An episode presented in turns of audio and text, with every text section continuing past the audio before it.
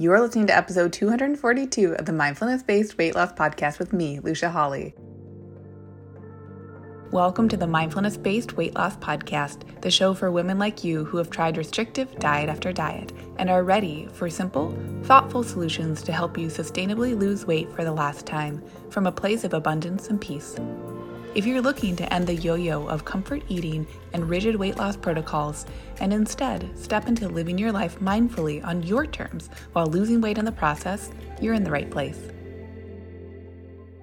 Party people, party people, welcome, welcome, welcome to the show. How are you doing? I do hope you can let me know. You could let me know how you're doing. I always feel like I say here, like, feel free to reach out. And I really do mean it. I absolutely adore hearing messages from you. So I'd love to know how you're doing this week. I will say I'm doing well this week. I have had, man, and I did a poll on Instagram and it seemed like a decent, it was like 75% of you who responded to the poll um, said that you also had this thing going on. For me, this month, I had a really intense, if I'm being honest, just kind of a gnarly period with how I take care of myself and, um, you know, the nutrition stuff I know for myself. My periods have actually when they first started, they were really challenging for me, very heavy, difficult flows. Um, definitely felt like just had bad periods. And over the years, I could tell that what I was eating affected my periods. And, you know, long story short, I actually feel really great about my periods most, most months.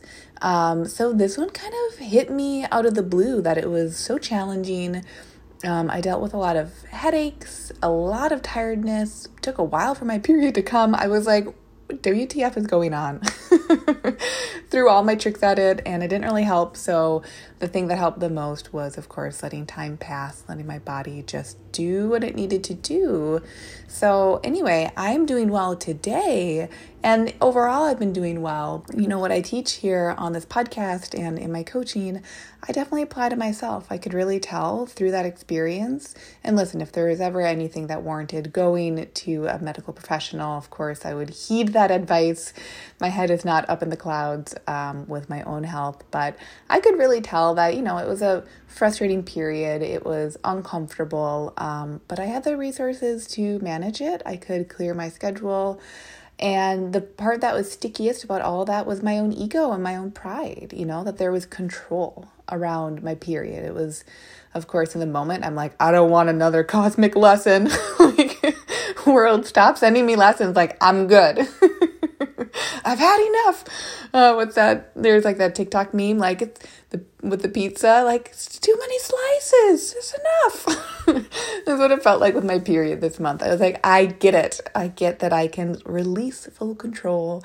And anyway, I'm doing well though now, and we'll see. We'll see if that was a fluke. Uh, it seemed like a lot of us had challenging cycles this month for whatever reason.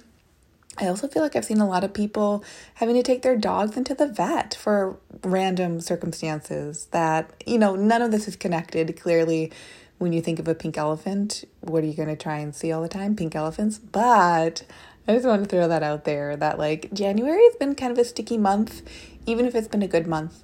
Um, and maybe that resonates with you. So, Anyway, today on the show, I'm talking about our favorite subject, my favorite subject, which is weight loss resistance. And I wanted to give you a rundown. This is going to be more of a tangible episode. If you're newer here, some episodes tend to really focus on the tangible aspects of weight and health. Uh, I'm a nutrition nerd. We've got to talk about nutrition. And I'll also say, now I can't remember if I said this in last week's episode or in an episode over the last couple of weeks, but um, I took a trip to Florida in early December, right after Thanksgiving. And I was very inspired to like being in Florida, being out of my own health and wellness bubble, um, seeing people who are not like my neighbors and my community here in Portland. Um, I kind of had this fire lit under my butt again. And this is not a new fire, but it just felt like newly lit to talk about the tangibles of health and to not apologize for wanting all of you to eat really healthy foods as defined by you. And so the reason I was inspired to kind of keep bringing back more of these tangible subjects is that in health and wellness world for people who are my age maybe you know in who are just interested in health and wellness i do think that there's a pendulum swing and i've spoken about this many times before. The pendulum before the pandemic was starting to swing towards more anti-diet content more like health at every size which caveat health at every size means the you you get health care that is respectful towards you as a human no matter your size uh, a lot of people have taken health at every size to mean something that it 100% does not mean, which we could chat about on a different episode. Anyway, when I was in Florida, I was noticing that the part of Florida I was in was, you know, pretty wealthy. People clearly had access to, you know, any kind of foods that they want. People had discretionary income, um, just as a general baseline. And I was noticing that um, there were bodies that were looked like they were behaving in and clearly this is hard for me to talk about right? Because like i don't want to i don't want to be judging and this didn't come from a place of judgment. Uh, but there were bodies that were functioning within dysfunction. It was difficult for certain bodies to be moving around regardless of body size or shape. Simply that functional aspect i could tell that in that older generation which was more of the demographic there that people were um, struggling with their health. And I feel so compelled to share that much more that because age is a privilege, I'm so excited to get older. Like, nothing could be more sweet or sacred to me. Um, I know that one of my desires is to feel functional, and what has helped me feel functional as a youngin has been a lot of this information that I share with you about nutrition and about mindset, and also about, you know, general fitness and wellness as well.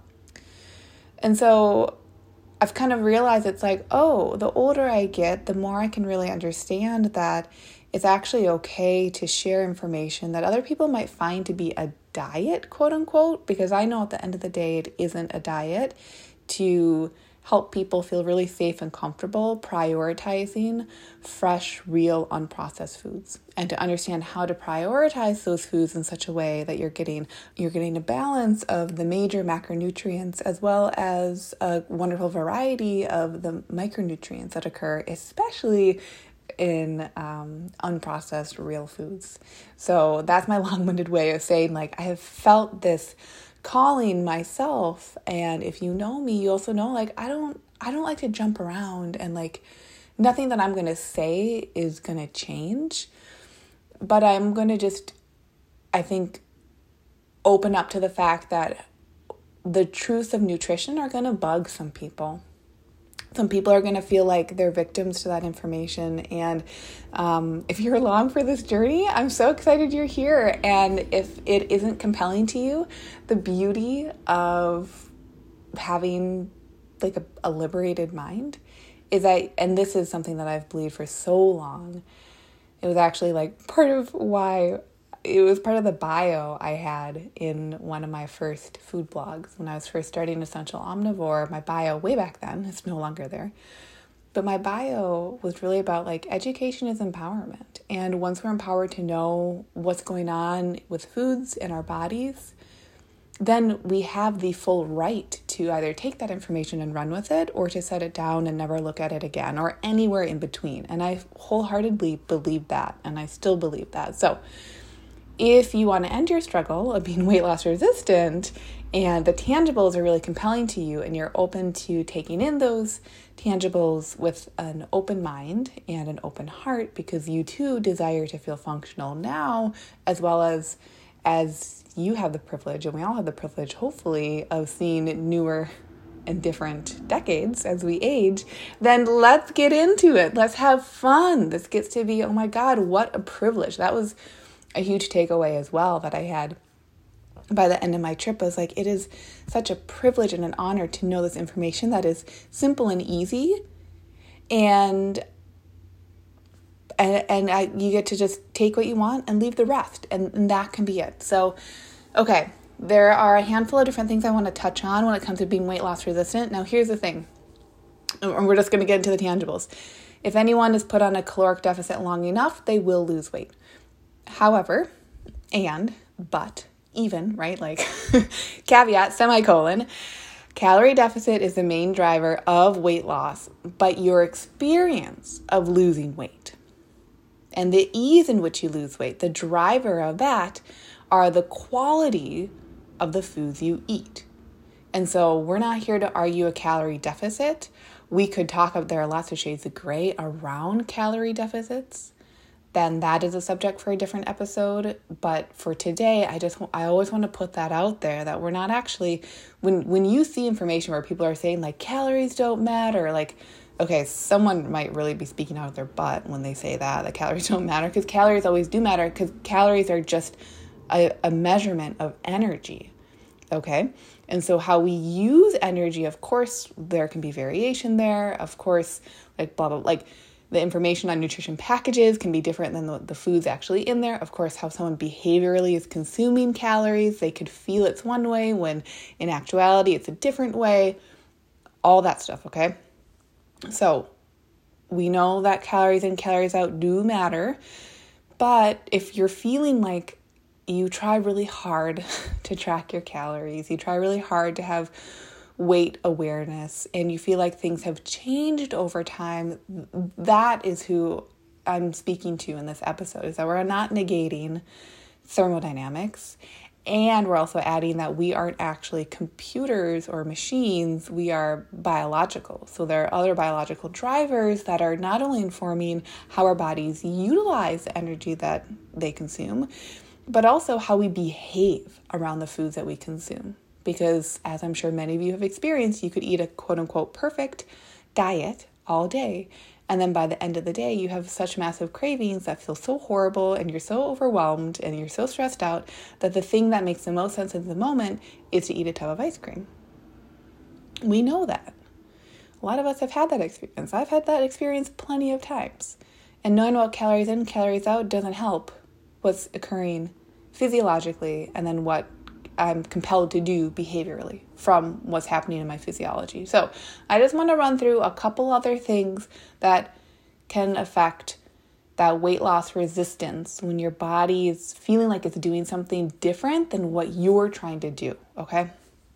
So, number 1 is going to be a bit of an umbrella and I'll call it chronic inflammation. And I also feel like, man, people are giving the word inflammation such a bad rep right now, but just consider when there's inflammation in your body, it's it's it's because there's a lack of something else. There's an imbalance. So when you hear, hear the term chronic inflammation, and we're not talking about inflammation from you know falling and messing up your knee or pulling your back or any sort of acute inflammation, acute inflammation if you get a scrape on your arm and it gets red and then it scabs up and then some time passes and the scab heals up and you're all good like that redness, that scabbing, that's the acute inflammation. So we want inflammatory pathways in our bodies. That's good.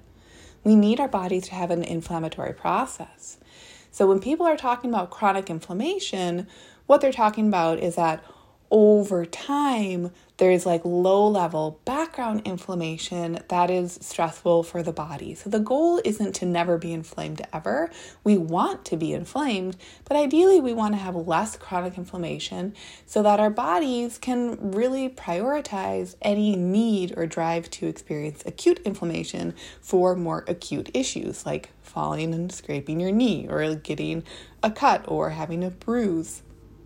So, barring a major medical diagnosis like cancer or stuff way beyond the scope of this podcast, I want you to just consider any chronic inflammation that is occurring to come down to an imbalance of nutrients coming in versus what's required for your body to function most properly.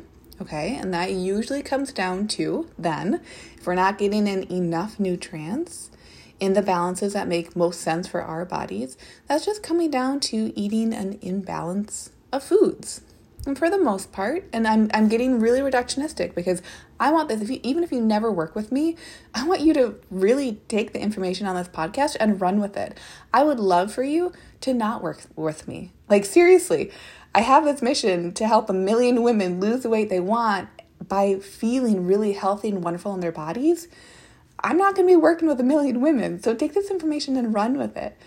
The nutritional deficiencies that most of us experience most like the the broadest most simple way to fill in and plug in the gaps and leaks of those nutrients is to focus on these two things one prioritizing real foods that are primarily unprocessed and they're most are very likely less processed form. I was gonna say they're most unprocessed forms. We have to process them. Like, don't go eating raw sweet potatoes. Cook your sweet potatoes. You know, cooking is a form of heat. is a form of processing. So, understand we have to, we we get reductionistic with this language in order to be efficient. In order for you to get the primary message, there's always a million ways that we can. You see this happening online all the time. There are a million different ways that we can get really granular with our food. We don't have to get granular here though, okay?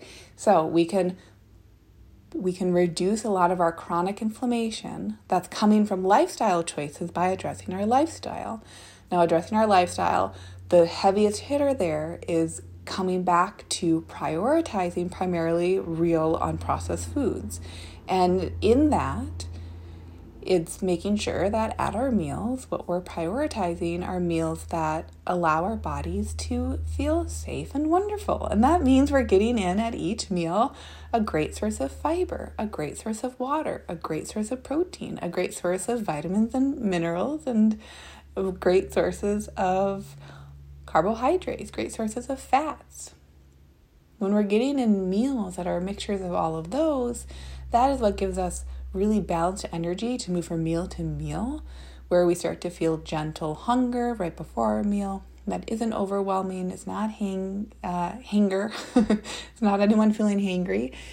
And with those meals, we experience really gentle satisfaction where we've eaten enough food with enough micronutrients that we then have balanced blood sugar levels until our next meal, and then we rinse and repeat. Any more fun foods, more uh, processed foods, are foods that are sprinkled on top once that base of nutrition has been addressed, okay? So that is what can, I find, truly, really help reduce that chronic inflammation that can be occurring in our bodies due to lifestyle.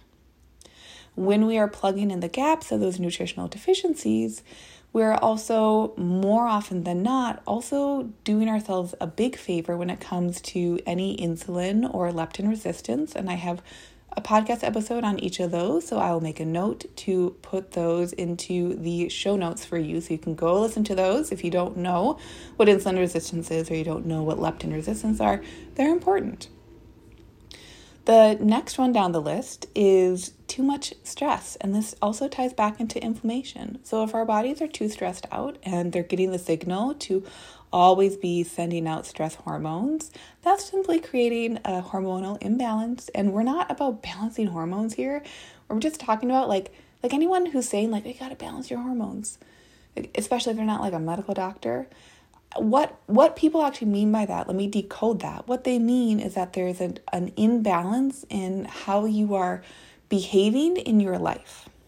And sometimes that behavior is cultural. A lot of us believe the cultural myth that we have to be stressed out that holidays have to be big affairs that we have to do more we have to keep up with the joneses. And other times our stress is due to maybe more personal thoughts when i'm working with a client we never know what another person is thinking until they share it with us. So we can have really specific thoughts. We can have thoughts that are more of that macro lens that are coming from our culture that maybe we never learned that we even could question if we'd like to. But, and of course, other stressors, um, unfortunate stressors like socioeconomic status that is difficult to shift or change, um, being a primary caretaker wonderful things that also can just be challenging to navigate. Okay, so we're not like we're not bypassing any of the realities of a lot of life. However, if we're constantly in stress and we're forgetting the goodness of life and we're feeling like we can't dip into the present moment and simply be here now, if we're feeling like that's overwhelming, that's too much, or like that's weird because I've got to be stressed, otherwise, how am I going to get through my days? Typically, for people who are presenting with that type of profile, of like an overly stressed profile, if our bodies are sending out a lot of cortisol, that can be impacting us behaviorally. We're looking to be, you know, over consuming foods, using foods to numb out and relax and also experiencing again a different relationship with insulin and leptin in our bodies, which are hormones as well. Our stress hormones impact all sorts of hormones, and and too much stress can be affecting how our bodies hold on to weight. And I don't mean that you also see I feel like I'm just like giving you a lot of it's like a fire hose of information today. So I hope you take this and run with it. But I see a lot of people out there again because I'm on the online bandwagon. I see a lot of information online where it's like, oh, don't go into starvation mode. Starvation mode is barely real. Like if you need me to debunk or what, like the way that people take the information in the Minnesota starvation experiment is fascinating to me because like people are speaking half truths with that and that typically is the major reference that people make when they talk about starvation. But like what happened to the guys who were put on like low calorie diets and this and that? But if you actually ever read it like it it's not i've read it. I actually read it for a podcast where i was talking about starvation and like under eating for the first podcast i did which was now like a really long time ago. It was a totally different podcast anyway if you actually read the starvation uh, experiment. Very fascinating what they were doing, and and for most of us currently who are experiencing weight loss resistance, starvation is truly not even going to apply to the conversation. Being um, eating in an imbalance of the macronutrients, eating an imbalance of the micronutrients, um, eating in an unbalanced way throughout the day, all of those can completely affect our hormones, as I was just talking about stress hormones, um, insulin, um, leptin, etc., or our sex hormones as well, thyroid, all of that. Our body is a beautiful orchestra. And so, of course, if one player is out of tune, it's going to make the final song sound uh, a little bit off. That's why we would just want to tend to each of our players because we love the orchestra for the beautiful symphonies that they can play together when they're all in harmony and they're all in tune and they're all getting what they need. And another side note, because I love just sharing what's on my mind, this is when we're talking about too much stress. This is also what I find pretty funny about any of like the salivary um, hormone panels or like the Dutch tests or things that a lot of people can be offering is that sure, if that information is truly motivating for you, then I guess that makes sense. Like if if it helps you kind of feel on the hook to really address your life and lifestyle, great. But any like any results from those tests more times than not is still you're still going to have to do the same stress management like awareness and techniques as any like the techniques will change depending on the person but not really depending on the test the test like it's it's kind of speaking in broad strokes when at the end of the day it's like let's talk about actually what is stressful which is how we think what we believe about our lives and then what we do about that. So that's a complete aside. Um, so weight loss resistance we've covered chronic inflammation nutritional deficiencies insulin resistance leptin resistance too much stress. That can tie into an imbalance of um, some different hormone levels which also thyroid is a factor in there as well Although people people who have thyroid concerns, unless they're really extreme, which of course you'd be working with your medical practitioner to be addressing that, right? Go do that. that applies to you. Um, for the most part, people who have thyroid considerations, and I have Hashimoto, so I've lived this. I have gained the water weight when I've tried different medications. I know what a pain, I know how, how heartbreaking it is to feel really frustrated that medications don't feel like they work. Um, lifestyle feels like it doesn't work. So believe me, I understand this to a really deep level. But thyroid concerns, if you're feeling like your weight gain is due to thyroid, thyroid isn't really going to um, cause weight gain beyond 15 to 20 pounds. So do with that information what you will. I found that very enlightening and it really clarified some things for me that you know i could focus on my thyroid being not right and needing all this attention or i could take the information i had run with it and really focus on fostering a lifestyle that prioritized my well being and how I felt versus chasing trying to fix a thyroid that has something wrong with it. You catch my drift? So now we've covered that. Um, I've done episodes on sugar and flour, which I will also link in the podcast, too much fructose consumption and production. So we have exogenous fructose, which is the foods that we eat that contain fructose. Um, and then we also have foods that we eat that can stimulate our bodies to create fructose. Fructose is not bad or good, but can shift our bodies into fat storage mode. And instead of taking time on this episode, since we're already up 24 minutes, I will link to the show notes and you should go listen to that episode about flour and sugar. I think you'll find it really clarifying and really helpful, really supportive. Number seven, I would be remiss not to add um, when we're talking about weight loss resistance, medication concerns. Okay. So there are different reasons why different medications can cause an increase of scale weight. It can be, um, for example, an increase in water retention. It can be an increase in appetite. Sometimes when we're on a medication, actually increase our appetite, which could be useful for some people. It's always a a bell curve for what's happening, but sometimes we can be taking medications and then it can increase our appetite or it can lower our satisfaction cues, both of which can then compel us to overconsume food. And then lastly, what I want to mention this episode is um, a, a, lack of movement. I the main driver when it comes to weight and weight loss resistance is the foods that we're eating, how we're eating them, what we're thinking about as we're eating them, and what we're doing consistently. But what we're doing consistently also applies to how we're moving in our lives. So if we're sitting at our computer stressed out 24 7, you bet your butt that bringing in a conversation about cardiovascular exercise as well as strength based exercise and resistance training would probably be really useful. Because if we tie this back into stress, our bodies were built to move.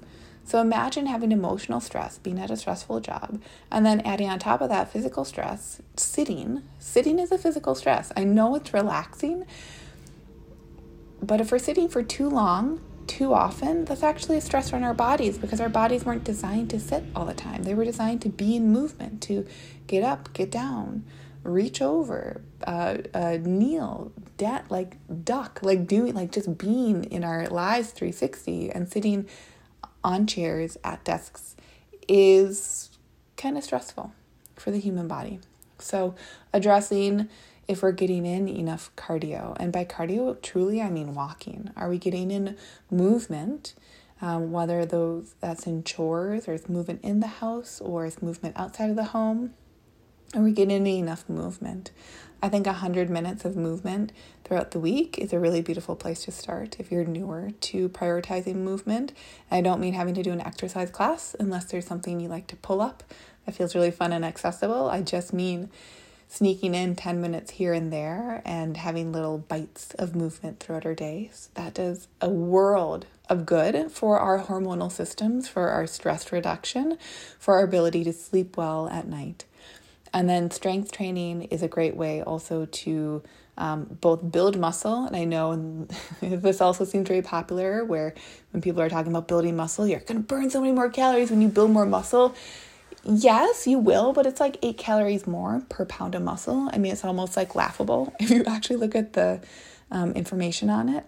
So typically, what people are doing who are prioritizing their strength training is they're typically eating more protein, their bodies can build more strength. Um, they're engaging in progressive overload, which means over time they're they're they're always in essence they're consistently challenging themselves. So they're not just lifting a five pound dumbbell a couple times here and there and then wondering why their bicep isn't growing from that five pound um, bicep curl, for example. They're continually challenging the muscle, giving the muscle enough time to uh, break and be inflamed.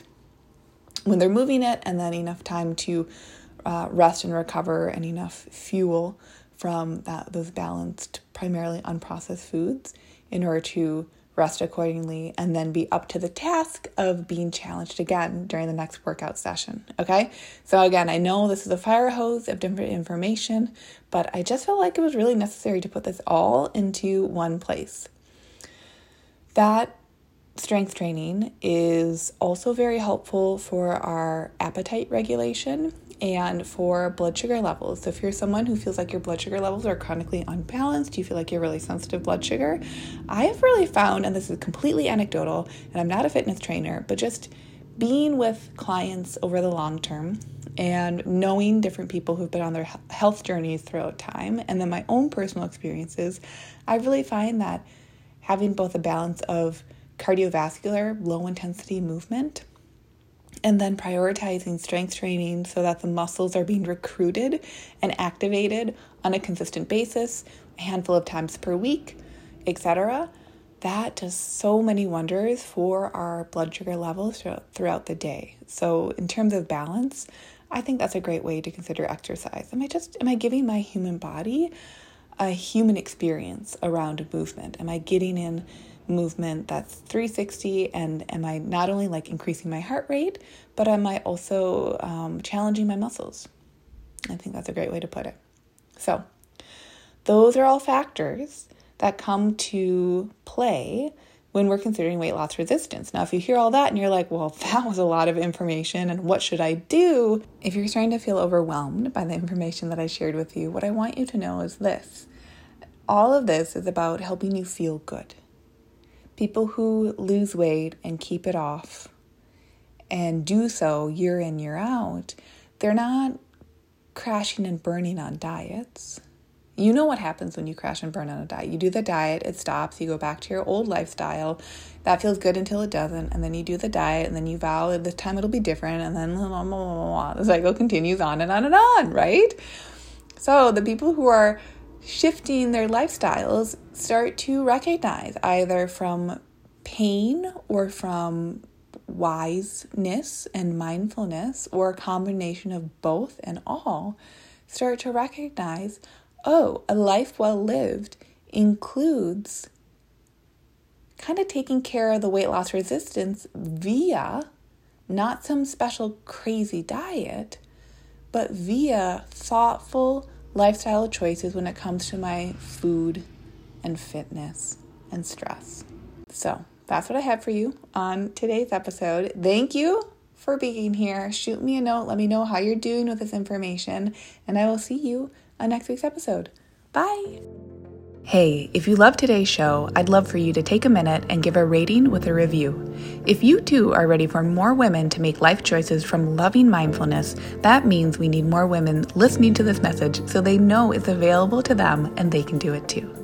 And if you're ready yourself, come join Lena Liberated, where we'll work together and you'll learn how to take this process to the next level in your weight loss goals, life desires, and beyond go to luciahawley.com. That's L U C I A H A W L E Y.com to connect.